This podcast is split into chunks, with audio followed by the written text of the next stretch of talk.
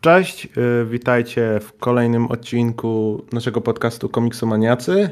Y, dzisiaj odejdziemy tak konkretnie od komiksów, ponieważ chodziło nam po głowie już od dłuższego czasu, żeby pogadać o na najlepszym serialu superbohaterskim, czyli tutaj nie będziemy dłużej ukrywać, to będzie Young Justice. Wyszło tego cztery sezony, na ten moment nie zapowiada się, żeby piąty wyszedł, ponieważ w teorii nikt jasno nigdzie nie powiedział, bo nie mogłem znaleźć informacji, że był cancel, ale są informacje z różnych źródeł, że HBO Max po prostu nie zamówi kolejnego sezonu, więc w, praktyce oznacza to niestety cancel. No, na szczęście dostaliśmy te cztery sezony. Pierwszy sezon wyszedł, pierwszy odcinek pierwszego sezonu wyszedł e, w listopadzie 2010 roku, więc to już będzie w tym roku 13 lat. Drugi sezon to był 2012, po czym nastąpiła długa, kilkuletnia przerwa. I w 19 dostaliśmy sezon trzeci. W zeszłym roku, a, na, a, nawet nie w zeszłym roku, a pod koniec roku 21 dostaliśmy sezon czwarty. Zacznę od tego, Dam, Damian, po, powiedz co ty y, myślisz o tym serialu? E, znaczy o serialu czy o tym sezonie?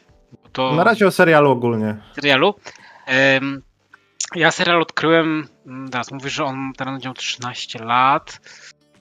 No to ja go odkryłem jakieś 10 lat temu, bo wiem, że już były oba dostępne na pewno, już troszeczkę tam gdzieś przyleżały.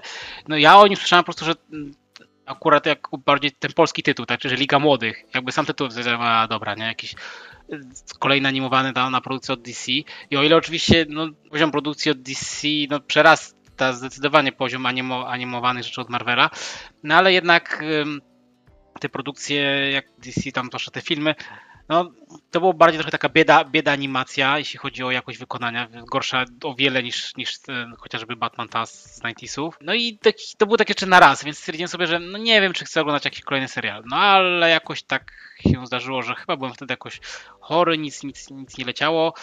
E, obejrzałem akurat jakieś dwa losowe odcinki na Cartoon Network. Tak mówię, ej, fajne to jest.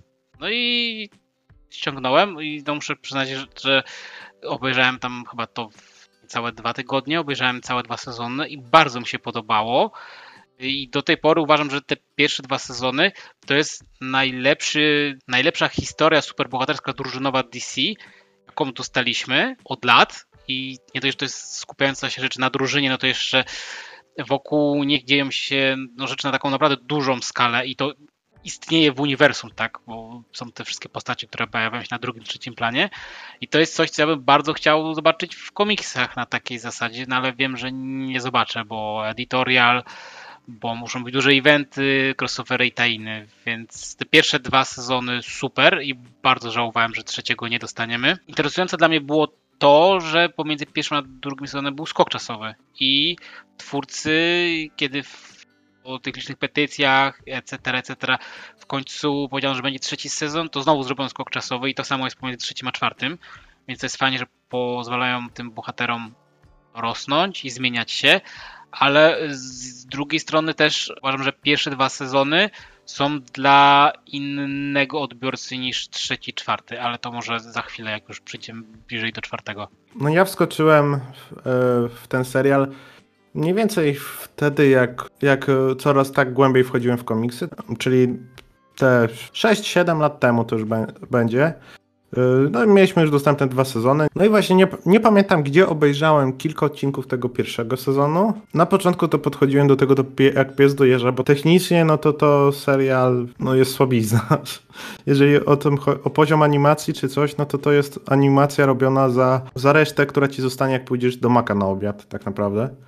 Ej, hej, a to, to nie widziałeś chyba tych ostatnich animacji z DC, te Killing Joke i tak dalej, to, tam była bieda. To widziałem, ale technicznie ta animacja nie jest dobra, tak czy siak. Tam problemy z konturami, z klatkami, ale no jakby cała reszta, e, czyli cały ten scenariusz, pomysł w ogóle, oddanie tych e, postaci w ogóle tak to nadrabia, że płynie się ta, i ta animacja w ogóle przestaje przeszkadzać. No i tak, no to, ale wracając, no obejrzałem te dwa pierwsze sezony, no i trochę zapomniałem o tym serialu, w sensie nie śledziłem informacji o nim, no pamiętałem, że był super, to i nagle gdzieś mi wyskoczyła informacja, że będzie trzeci. To już był wtedy 2019 rok.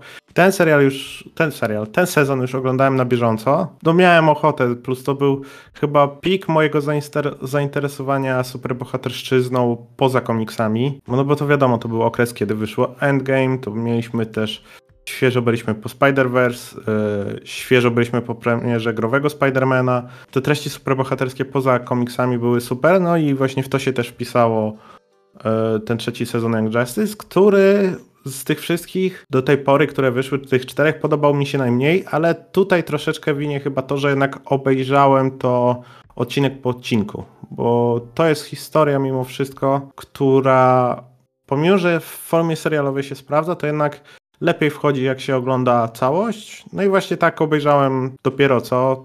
Tydzień temu skończyłem, że w przeciągu tam kilku dni obejrzałem czwarty sezon, te 26 odcinków, no i, no i sobie przypomniałem, yy, dlaczego tak lubiłem ten serial. Tak jak jeszcze ty wspomniałeś, że te dwa pierwsze sezony są trochę dla innego odbiorcy niż te dwa następne. Jestem w stanie się z tym zgodzić przez to, że jakie były przerwy pomiędzy drugim i trzecim sezonem, to chyba twórcy troszeczkę założyli, że ten widz, który będzie ich oglądał, będzie doroślejszy. Ja mam takie wrażenie. No właśnie o to mi chodzi, że to jest trochę serial, który rasta z widzem, tak, ale też mam taki jedno duże ale, bo co, pierwszy i drugi, no też mówię, no oglądałem je hurtem, więc to, i to było też dosyć dawno temu, więc może y, trochę pamięć mnie oszukuje, ale też y, jak patrzę w internecie, no to recenzenci trzeci, czwarty troszeczkę gorzej oceniają właśnie pod, pod, tym, pod tym względem i tu, tu się muszę zgodzić.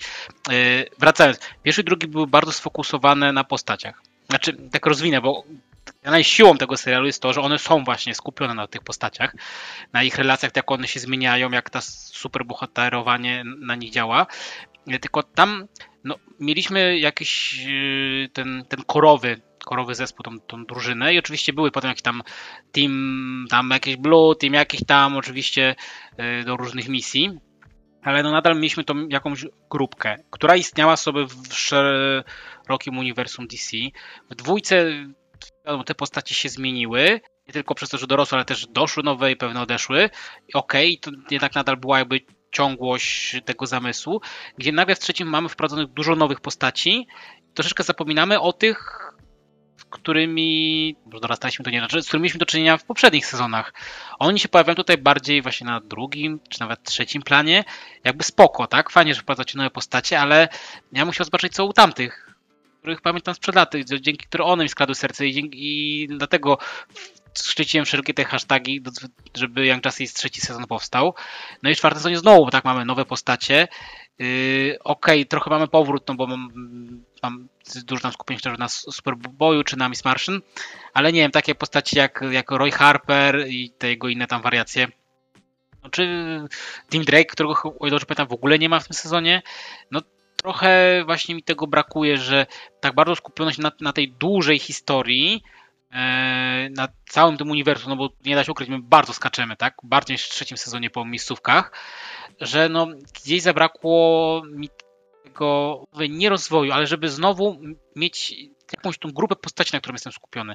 Tutaj mamy te mniejsze grupki, one są oczywiście, te wątki są ich rozbite dosyć mocno, potem się zazębiają i o ile bardzo mi się podobają motywy, które są w czwartym sezonie, chyba najbardziej ze wszystkich, są najbardziej dorosłe i różnorodne, no to to mnie boli troszeczkę, tak? Bo ja bym chciał zobaczyć znowu tych y, te postacie razem, tak? Wiadomo, wiem, że one dorosły, każdy przez swoją drogę, są w innych miejscach, ale właśnie, żeby one się spotkały teraz, żeby zobaczyć, byśmy mogli zobaczyć, jak y, to się w dorosłość ich zmieniło, bo zmienia każdego. Wiadomo, mogą już nawet nie być przyjaciółmi, czy stali się yy, znajomymi z trykociarskiej pracy, tak? Ale no jednak, żeby zobaczyć, jak to ewoluowało. To jest coś, czego mi troszeczkę brakuje ale to z drugiej strony na to uwagę dopiero jakiś czas właśnie po obejrzeniu, no bo ja to oglądałem na bieżąco, ten czwarty sezon, bo oglądając to odcinka na odcinek, te motywy, o których wspomniałem właśnie są na tyle angażujące i no, łapią miejscami za serce, że nie, nie, nie zwróciłem na to uwagi. Ale właśnie teraz tak trochę, czytając w formie takiej retrospektywy, no to tak, to, to jest coś, czego mi brakuje. Może mi to zacznie przeszkadzać, bo mi aż tak to nie uwierało w tym czwartym sezonie i może właśnie przejdźmy już do niego, bo to... Skończyłeś oglądać, ja też, też tego nie zwróciłem na uwagi, dopiero po czasie to, to mnie doszło. No właśnie, skończyłem oglądać i teraz już tak... Te motywy rzeczywiście były tam tak fajnie, bo przejdziemy zaraz bardziej szczegółowo do tych kilku motywów, które uważamy, że warto o nich pogadać. No ale właśnie te motywy były tak angażujące, że... I też był... ja Też nie zgodzę się, że w ogóle odstawili te pierwotne postaci na dalszy plan, bo tak... Connor jest główną postacią jednego wątku tak naprawdę, a on się jest przecież od samego początku. Tak, ale no mówię, Tima Drake'a nie ma, y, Nightwing, y, znaczy no, Dick Grayson jest tam gdzieś No, gościnie, e, Dick Ka- Grayson rzeczywiście, tak. Kal, Kal, Kaldur, no, jest główną postacią tak naprawdę tego też jednego krótszego wątku, ale jest. no jest, Także ale tego Te- mało, Tigres też jest, ale no mówię, nie ma Harpera za bardzo tak w takiej roli i te postacie zas, nie są aż tak bardzo, nie widzimy ich ra, razem, współ- że by miały taki wspólny, no powiedzmy czas antenowy. no, no osta- razem wszyscy są na sam koniec. No ale no ja, ja bym chciał trochę taki, re- taki reunion dostać. To by było takie właśnie, no, no tak, no nie wiem, jakoś tak, może sentymentalnie się zrobiłem, ale no to jest coś, czego, czego bym chciał, co by trochę jakoś tam e, połechtało jeszcze mnie bardziej. Może planowali to zrobić w piątym sezonie, no ale się już chyba nie dowiemy niestety. No szkoda, bo, Bo- cz- czwarty jest Bo, budówką mocną pod przyszłe wydarzenie. Tak, to, ale to każdy poprzedni był tak naprawdę. Tak, tak. Poza, poza pierwszym. Od drugiego każdy zapowiadał coś z, ko- z kolejnego sezonu. No drugi też tam kończył się otwarcie, trzeci też się kończył otwarcie. Jeszcze tak ogólnie to tego Darkseida to teasują już od kilku sezonów i tak naprawdę to on działa tylko tam gdzieś w tle. No, si- siedzi. No siedzi i tam działać to działa, bo on tam dużo, po, dużo powoduje, ale, ale to może właśnie przejdźmy do tego czwartego sezonu tak bardziej szczegółowo, e, bo, bo te poprzednie, no to tak jak z pamięci bardziej mówimy. No dobra, to jak jesteśmy przy tym czwartym sezonie, no to on się zaczyna z tą główną parą tego uniwersum tego serialowego, czyli Miss Martian i Connorem. No i oni lecą właśnie na Marsa, ponieważ Martian uznała, że chce wziąć ślub najpierw na Marsie wśród rodziny. Tam obserwujemy ich przygotowania do ślubu. No i ten wątek kończy się, przynajmniej tak na tym etapie, śmiercią Connera. I ogólnie co myślisz o właśnie w ogóle o przedstawieniu Marsjan, bo, którzy są przedstawieni bardzo ciekawie. E, no i w ogóle o tym wątku. Znaczy wiesz co, no ja tutaj no oczywiście no wiem, tak, jak, jak że w komiksach też jest ten konflikt pomiędzy tam białymi a zielonymi Marsjanami, e, ale to głównie znam z tej historii Morrisona z JLA i tak więcej nie, ale tutaj bardzo mi się podoba, no, no nie szukam, że to jest bardzo aktualny temat, tylko że pokazano tutaj w ujęciu na Marsie, tak, właśnie typu, że ej, tym, te, oni mają inny kolor i tylko dlatego są gorsi, więc jest to no, bardzo takie no, rasistowskie czy ksenofobiczne, nie wiem, tutaj, które będzie bardziej do, pasować. E, każdym razie, no, W, w, wśród Marsjan to bardziej rasistowskie, no bo to oni się różnią kolorem skóry tylko. czy To, oni się w pada. uważają za, za dwa gatunki różne, tak? To jest właściwie chyba nawet tam kluczowe. Ale Chociaż okazuje się, że tak później, tak, jakby jesteś ten, ten, ten, sekret, że no jednak jeden gen. nie wygląda. Tak naprawdę. Tak. Jeden gen odpowiada za to, że za kolor skóry. To chyba mnie, nawet mniejsze zróżnicowane niż wśród ludzi, no ale biologiem nie jestem. No tak, tak, ja też nie. Chciałem rozszerzoną, ale to było dawno temu. E, w każdym razie, no, jest to coś, z czym wystarczy włączyć wiadomości, że no, są rzeczy, które nadal, tak, ludzie są rasistami, tak, bo nie wiem, i to jakaś jakby to, to inny kolor skóry nie determinuje, czy jesteś chujem, czy nie, tak, jakby to chyba powinna być nadrzędna zasada, czy w ogóle jesteś dobrym, czy złym człowiekiem slash marsjaninem. I jest to w jakiś sposób też urocze, no bo też pokazanie no też tutaj no, ślubu postaci z dwóch różnych kultur, yy, co też jest coraz częstsze, odkąd żyjemy w tej globalnej wiosce. Bardzo mi się to podobało, chociaż ja, ja nie, totalnie nie potrafię spamiętać imion Marsjan. I jeśli miałbym powiedzieć, jak się nazywa e, brat e, Miss Martian, to, to ci nie powiem tego.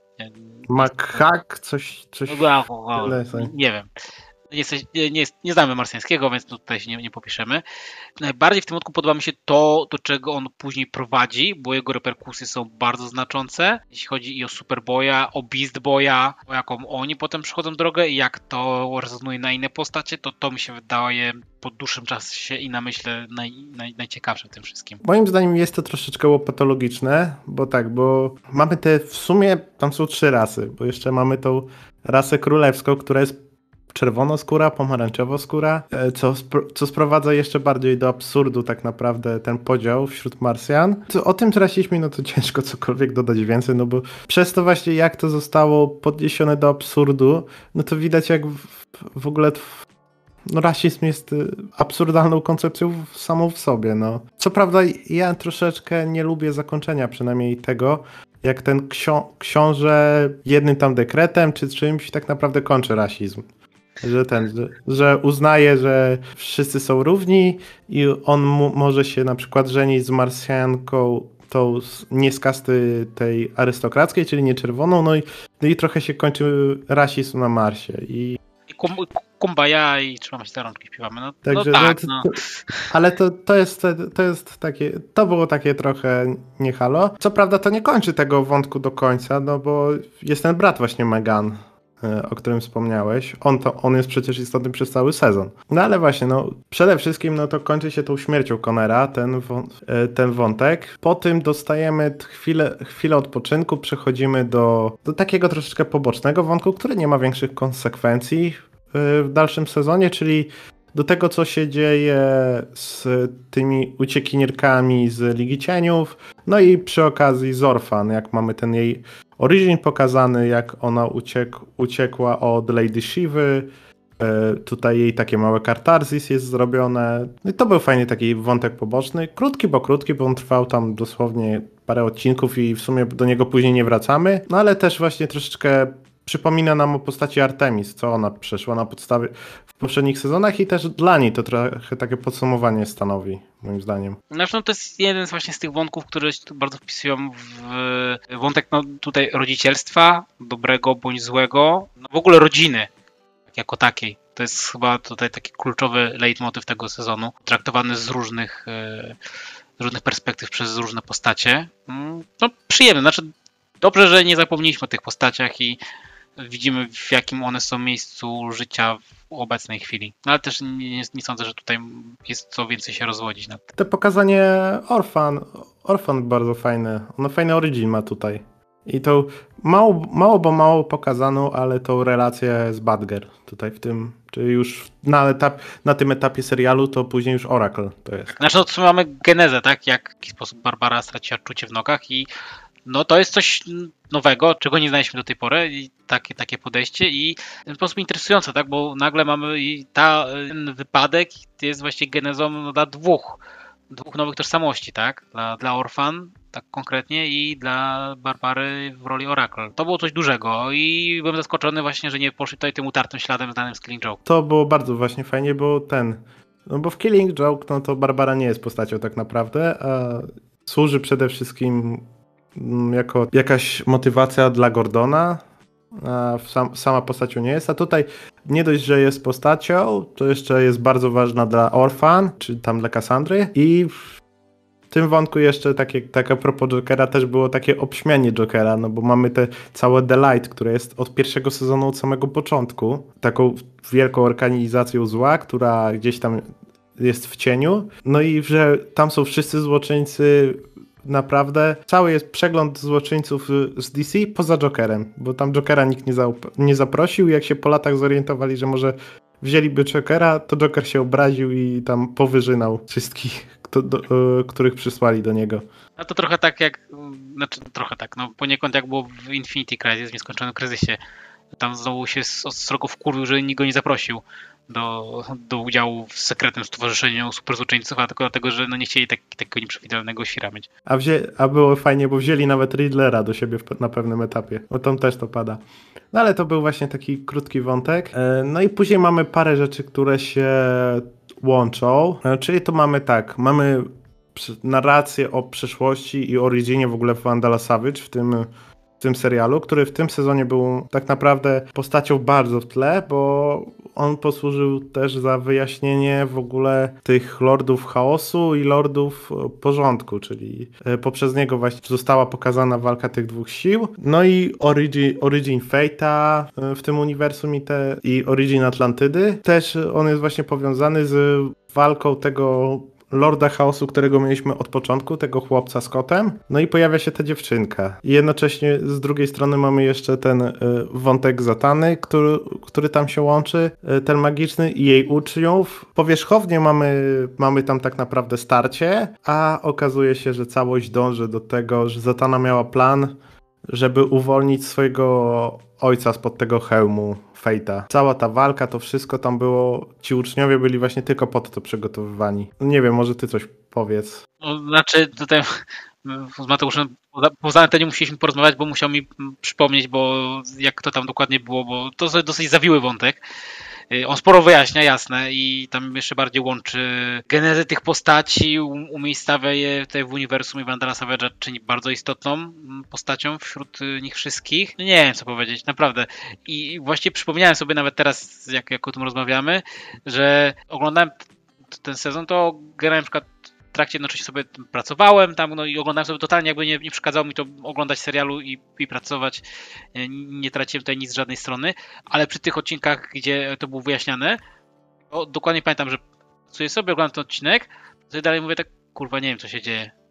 Nie rozumiem zastawałem ten odcinek i go po, po pracy go obejrzałem. A okej, okay, dobra, tak się musiałem mega skupić, bo tam dzieją się rzeczy naprawdę y, duże i ważne, ale to nie jest takie, o, że kolejny tydzień w komiksach, tutaj patrzcie, y, pokażemy wam jakąś genezę. No, no no, jest to coś, co wymaga większej uwagi. Może właśnie to powinno być według mnie podane bardziej łopatologicznie niż, niż, niż było, choć inne rzeczy mają tam duże koncepty, nie mamy Phantom Zone, mamy podróże w czasie, to one jakoś nie są według mnie aż tak e, zawiłe e, fabularnie, jak właśnie ten wątek związany z no, potomkami Savage'a i lordami ich porządku i chaosu. Przynajmniej tak, tak osobiście uważam. Bo to się rozdziela właśnie, mamy tych lordów chaosu i porządku, no i tam ta dziewczynka jako lo, lordowie chaosu wa walczy z tym pojedynczym lordem chaosu o to, kto będzie reprezentantem chaosu na ziemi. No i w to się właśnie wcina Fate. No to jest przyjemna taka superbohaterszczyzna, ale właśnie istotne jest to, że Zatana ma tych uczniów. No i wobec tego i całość to prowadzi właśnie do tego, że po pokonaniu i przywróceniu tego chłopca z kotem, nigdy nie pamiętam jak się nazywa jej. Clarion. A, no Clarion. No. Clarion the Witch. E, no, Dlatego ciebie mamy jako eksperta od DC tutaj. Nie, bo ja bardzo lubię i to jest moja ulubiona miniseria z Siedmiu Żołnierzy Morrisona. No ale mamy ten wątek tej walki, no i tak jak wspomniałem, wszystko prowadzi do tego, żeby po prostu hem Fate'a był przekazywany co tydzień innej osobie, dzięki temu e, nosiciel tego hełma nie jest poddany niewoli Nabu, e, który tutaj właśnie Nabu, to jego dusza, to jest dusza syna Wandala Sawycza z okresu tam chyba mezopotamskiego, coś takiego, y, która została przelana do tego hełmu i służy właśnie e, lordom, lordom porządku. No i właśnie ten hełm teraz jest przekazywany pomiędzy e, dwóch uczniów, e, Zatanę i, je, i, jej ojca. I tak co tydzień. To było fajne, fajne właśnie takie rozwiązanie tego wątku, który się pojawił w którymś z poprzednich sezonów, że tam na godzinę w przeciągu roku Zatana mogła pogadać ze swoim ojcem i tam były właśnie sytuacje, że ona brała ze sobą swoje koleżanki i pamiętam, to był bardzo fajny cytat. Nie pamiętam, tylko nie wiem, który to był sezon, czy drugi, czy trzeci, że jedna z nich nie rozumiała, po co one tam są. Przecież e, nie są potrzebne na czas rozmowy i tam pada, no nie, jesteśmy potrzebne na czas po. I to właśnie też było fajne pokazanie w ogóle, na czym ten serial się skupia. No i tutaj zakończyli trochę ten wątek. No i z tym się jeszcze wiąże wątek Atlantydy, bo ten pierwszy historyczny władca Atlantydy e, to był kolei wnuk Savage'a, który rządził Atlantydą, ponieważ Savage jako jaskiniowiec, e, czy tam na początku ludzkości, y, założył jakąś wioskę, wybył dla metaludzi, wybył na 200 lat i wrócił i tam rządził właśnie jego wnuk, który miał koronę y, połączoną właśnie z, z lordami, lordami porządku też. No i właśnie Savage z, razem z tym Witchboyem, razem z Clarionem e, doprowadził do zatopienia Atlantydy, No i właśnie stąd wzięła się podmorska Atlantyda. Mamy cały ten motyw, że nagle pojawia się ta przepowiednia o jednym prawdziwym królu. Tutaj zachęcam to do, raczej do obejrzenia całości tego wątku. Ja tak tylko pokrótce powiem. Mamy też e, polityczne spory w Atlantydzie, kto powinien rządzić tak naprawdę, bo mamy ojca Mary, mamy Artura, tam w międzyczasie pojawia się Orm znowu, e, z którym jest fajny twist. Pojawia się właśnie ten pierwszy władca Atlantydy z, z jak, jakoś. No i tutaj też dostajemy takie właśnie trochę podsumowanie, uproszczone niestety w wątku Kaldura, o tym jak on sobie radzi ze stratami, ale też ja, jako, jako w ogóle jest postacią. Jednocześnie mamy też troszeczkę zagłębienie się bardziej w Atlantydę w tym świecie, bo tak naprawdę nie było. No dobra, no to mamy ten wątek Atlantydy. Nie, be, nie będę mówił jak on się kończy, bo jest bardzo to E, cieka ciekawie przedstawione, warto to zobaczyć. No i przejdźmy może już do tej głównej części, która się tam pojawia chyba w połowie sezonu jakoś, czyli wracamy właśnie do tych postaci, które były na Marsie. Mamy właśnie, z jednej strony mamy Beast Boya, do którego uderzyły w końcu te wszystkie śmierci, które on przeżył przez te lata, bo tam jego mama, Doom Patrol cały, Wally w międzyczasie, on też trochę o Jasonie wspomina, którego nam w tym serialu nie pokazali niestety, no, znaczy, czego nie pokazali, no tak. No, no nie, no, Jason nie wystąpił jako postać, w sensie jako Robin. No nie, ale jest tak Red, Red Hood w sumie, no jest. No tak, ale wiesz, chodzi My mi wiemy, o to, że... tak oni nie wiedzą. No o, o to chodzi, no to, że Jason jako Robin nie był pokazany. No ale Beast też go wspomina, no i przede wszystkim no ta y, ostateczna, no to ta śmierć, na tym etapie śmierć, no bo jakby co się z Connorem tak naprawdę dzieje, no to zaraz powiemy. No i tutaj właśnie jest ta śmierć Conera na tym etapie, no łamie go i ja tak krótko powiem, że to jest naprawdę, jako taka animacja, bardzo się cieszę, że taki wątek, że w końcu trzeba się kiedyś udać po pomoc jest, bo cały czas, no niestety mamy z tym problemy, no z jeżeli chodzi o zdrowie psychiczne, no to cały czas ono jest, mimo coraz większej świadomości, no ono jest lekceważone. Służba zdrowia, jeżeli chodzi o dbanie o zdrowie psychiczne, no praktycznie nie istnieje. No, na NFZ trzeba, trzeba prywatnie, a to są ogromne koszty. Fajnie, że chociaż, że w tym serialu naprawdę pokazali, że trzeba na, czasami już o to pomoc poprosić. Właśnie poprzez tego Beast Boya. No i może to, tobie tutaj oddam głos teraz. No ja się zgadzam, że to było naprawdę mocne i nie spodziewałem się, że zobaczymy tutaj Beast Boya, który ma depresję, ma chyba też PTSD, no bo on też sporo przyszedł, bo y, tutaj widzi śmierć jednego ze swoich najbliższych przyjaciół. Y, plus to, co spotkało go w, w trzecim sezonie, związane z Tarą, y, z tym jak Geoforce się zmienił. No, y, no, widział też no, całe to chore gówno, jak eksperymentowano w Markowi, więc on no, też sporo przeszedł. I okej, okay, no nie jest tak, że ci bohaterowie będą sobie skakać nagle z kolejnej tragedii w kolejną tragedię i nic ich to, to nie ruszy. Znaczy w komiksach tak generalnie jest w większości przypadków. No chyba, że na przykład powstaje komiks, który ma się sobie z tym poradzić jak Heroes in Crisis, czyli ten kryzys bohaterów, który jest głównym i powinien zostać zalany betonem. I to było źle zrobione. I tutaj według mnie zrobione jest dużo lepiej, bo mamy skupienie, skupienie tylko na jednym bohaterze.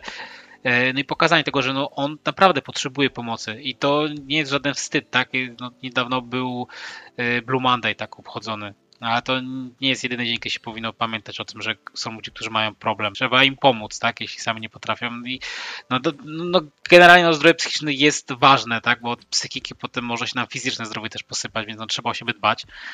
Więc to, to jest mega ważne i ten wątek zdecydowanie był patologiczny nie jest. W, no bo widzimy, jak, jak bardzo on zapada się w sobie, jak traci przez to dziewczynę, jak nie chce chodzić na misję, tylko cały dzień najchętniej siedziałby e, w tym swoim mieszkaniu, czy, czy to jest jakaś tam baza ich, no nieważne, w każdym razie no, nie chce wychodzić, tak, jest coraz bardziej zamknięty w, ty, w tym swoim smutku i karmi się właściwie nim, pogrążając się jeszcze bardziej.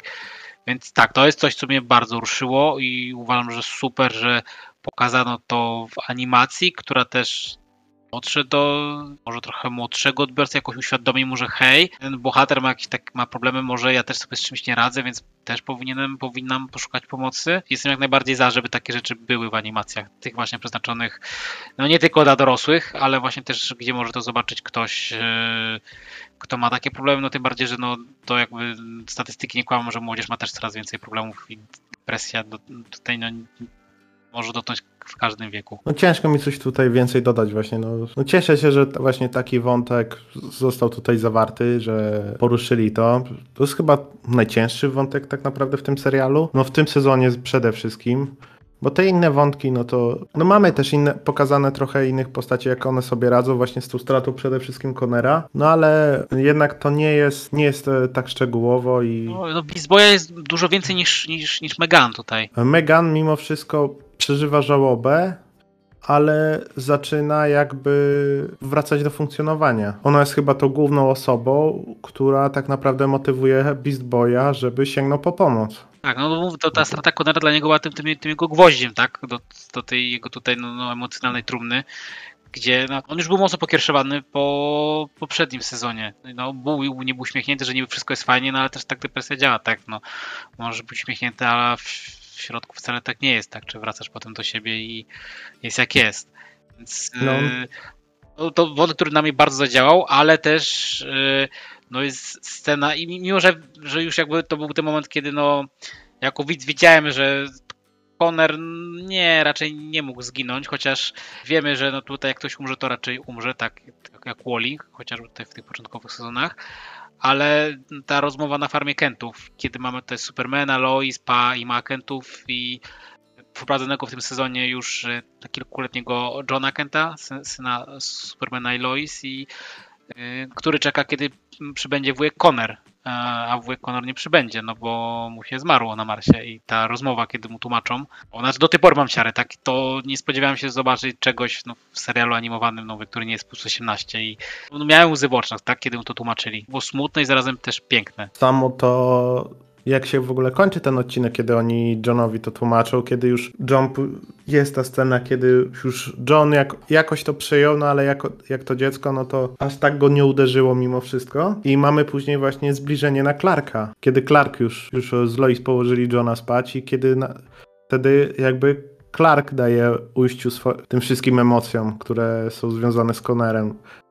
Jak ma te swoje wyrzuty do siebie, że nie zdążył, bo on przecież pojawił się tam tuż po tym wybuchu i przede wszystkim ma wyrzuty do siebie za to, co się działo w pierwszym sezonie, bo jeżeli ktoś pamięta, no to w pierwszym sezonie, no to o dziwo Clark ze wszystkich innych postaci, o dziwo Superman właśnie podchodził strasznie oschle i stra- z bardzo dużym dystansem do Superboya.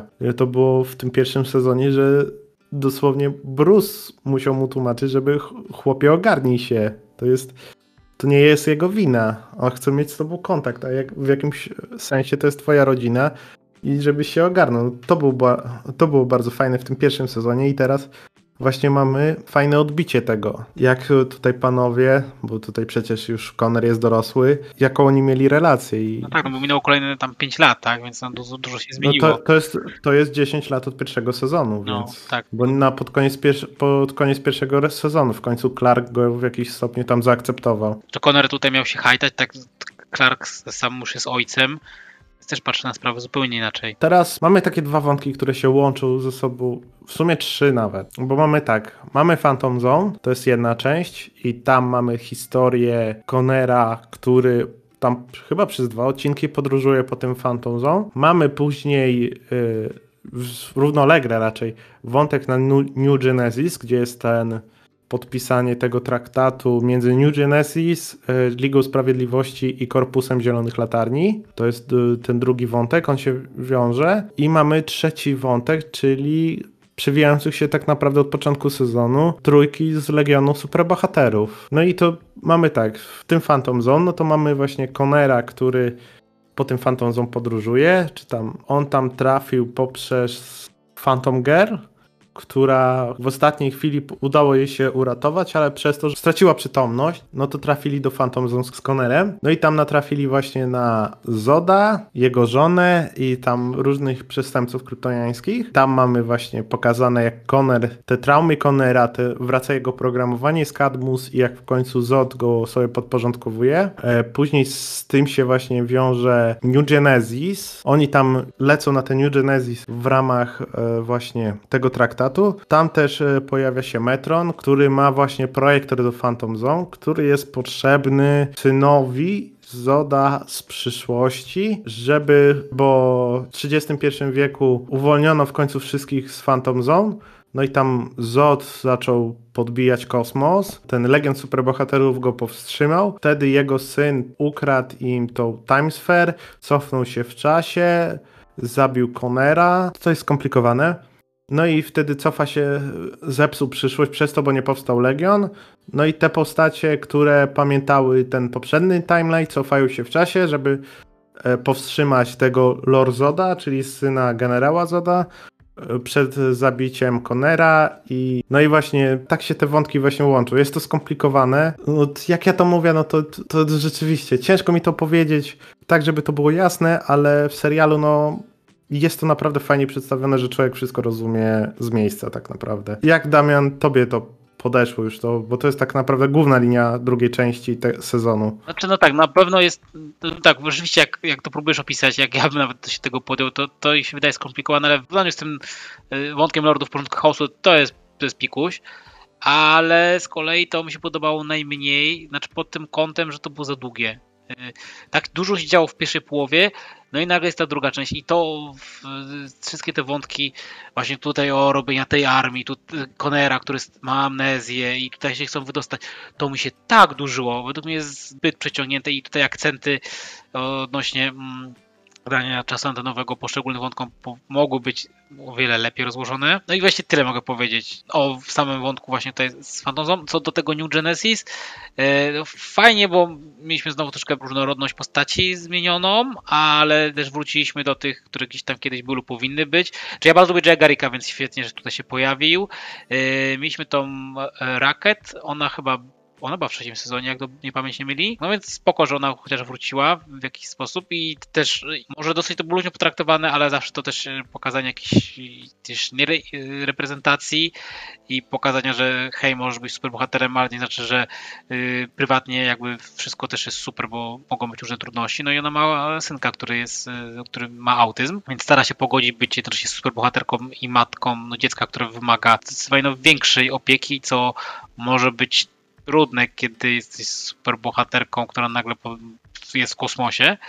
E, ja wiem, że ten wątek jest dosyć lubiany przez fanów e, animowanego serialu Green Lantern sprzed iluś lat, bo de facto się dowiadujemy, że tamten serial jest w tym samym uniwersum, bo mamy kontynuację tamtejszych wątków, chociażby tam z jednym z czerwonym latarnikiem, który też tutaj przychodzi swoją drogą. Ja tamtego serialu nigdy nie widziałem, więc no, nie wypowiem się, ale to było ok. No, mi trochę właśnie tutaj brakowało mimo wszystko korpusu, gdzie w jakiejś większej roli, gdy już wchodzimy tutaj w stawkę, która no, jest naprawdę tutaj na, na skalę uniwersum i dzieje się w kosmosie. No więc no, to, to było ok. Podoba mi się same rozwiązanie całości przy finale, ale no to było, no, według mnie nie dorosło do poziomu tego, co było w tych pierwszych kilku, kilkunastu odcinkach. I się to tam podobało. Przejdźmy może do dalszej części tego wątku, czyli już w sumie troszeczkę podsumowanie. No to mamy tak, mamy w sumie pierwsze śledztwo, które tam prowadzi Dick, tam jest Kaldur, e, tam jest właśnie ta Rocket i chyba Artemis, jak dobrze pamiętam, w tej drużynie, albo Zatana. No tam kilka, kilka tych postaci tam jest. No i oni się właśnie odkrywają, że Connor może żyć, no i zaczynają go szukać. E, później mamy właśnie tą drugą część, kiedy Miss Martian się dowiaduje, dowiaduje się Superman, pojawia się Legion Superbohaterów tam w międzyczasie, też e, Bart znika, bo tutaj w tym uniwersum, no Bart się cofnął w czasie i tak zmienił linię czasową, że uratował świat, ale nie może wrócić, bo w, swojej, w tej nowej linii czasowej on nigdy nie powstał. Czy jakoś, co, coś w tym stylu to było i on jest takim paradoksem czasowym, który został w naszej linii. To taka mała anegdotka. Mamy cały ten bombastyczny finał, że z tych zodów, że odkrywają właśnie te swoje moce na Ziemi, w ogóle odkrywają coś, e, losy Kryptonu, bo na tym się dosyć skupiamy. Poznajemy właśnie tego Lorzoda głębiej, w ogóle, że bo on też e, tutaj wcześniej nie padł, on, on w ogóle współpracuje z Darkseidem na tym etapie, ze wszystkich postaci, nie wiem czemu. No i to się kończy właśnie taką trochę rozpierduchą superbohaterszczyzną. To nie było jakieś specjalne, ale też właśnie to służy za podsumowanie tego wątku Conera, który jakby znowu odkrywa siebie. To stanowi też właśnie takie podsumowanie dla tej postaci i no ja niestety nie potrafię to dobrze opowiadać, ale tu się Damian ciebie spytam, no to tak, właśnie najpierw jak ci się ten, ta część już wątku Conera podoba? No i przedstawienie w ogóle tych innych kryptończyków, Zoda, Lord Zoda, tej Emerald Empress. Jak ci to siadło? Czy ja lubię, kiedy jest jakaś no, zmiana w porównaniu z tym, co znam z komiksu, więc tutaj, że akurat e, jedyną tutaj jedyną osobą z Kryptona z tego Phantom Zone, która de facto właśnie no, zostaje na szachownicy jest ta Ursa, która zostaje i ona jest tą Emerald Empress. E, ja choć akurat jeśli chodzi o DC, to tego kosmosu aż tak super dobrze nie znam, ale pamiętam, że tam Emerald Empress na pewno jest ktoś inny, więc to nagle było, o, o że łapie to referens, więc, ale użyte jest inaczej, więc to, to jest ciekawe. No tak, no mamy ta walka, więc y, to chyba sztampowe, no jakoś okej okay, nagle, że tutaj, że, że Conner jednak tutaj się całkowicie przyłamał, tak, że tak, już wszystko mu się przypomniało i miał ten swój heroic moment i wróci do, wrócił dzięki temu do Megan, no to było nie było w żaden sposób jakoś odkrywcze, było ok, w porządku, no emocjonalnie na pewno bardziej nam działały rzeczy poprzednim sezonie. Szczerze, ja właśnie na, najmniej pamiętam z tego e, samego finału tego sezonu. Pamiętam tylko, że no Conner, wrócił, e, że tutaj ci złoczyńcy z Phantom zostali pokonani, że Beast Boyowi było lepiej dzięki, dzięki terapii właśnie i to tak w dużym skrócie tyle. Naprawdę, nie, nie, nie, jestem w stanie powiedzieć więcej o finale, bo on nie jest aż tak zapadający w pamięć, przynajmniej jeśli chodzi o mnie. No, ty jesteś na świeżo, to Możesz coś jeszcze dodać. Tutaj w sumie nie ma więcej do, do dodania, no bo po prostu finał, no to on tutaj łączy już te różne wątki właśnie. Po części ten wątek magiczny, bo... Znaczy magiczny, no, ty, no tak, no tej magicznej części tego uniwersum,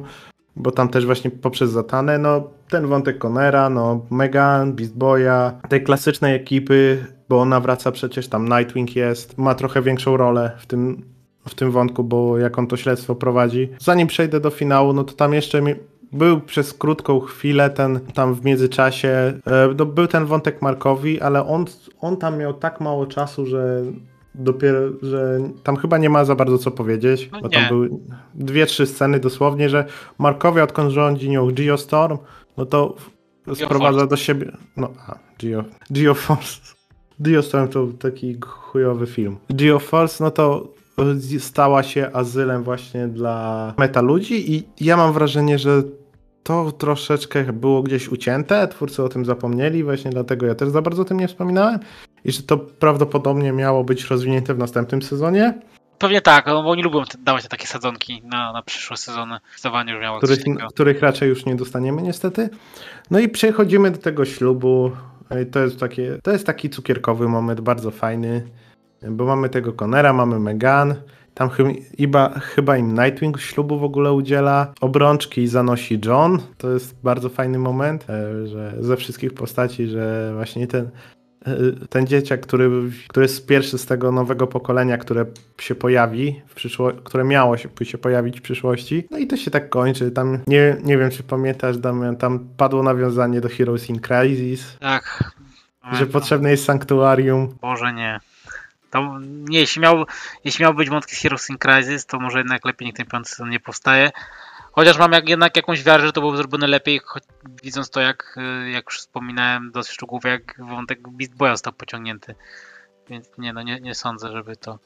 No raczej by nie adaptowali Heroes nie, in Crisis. Nie. Zwłaszcza, że to się nie nadaje w takiej formie dla dzieci. Kurwa, to niczego nie nadaje, no ale to już inna kwestia. E, no tak. No i mamy, na koniec mamy, nie wiem czy o tym wspominać, ale dobra, wspomnę.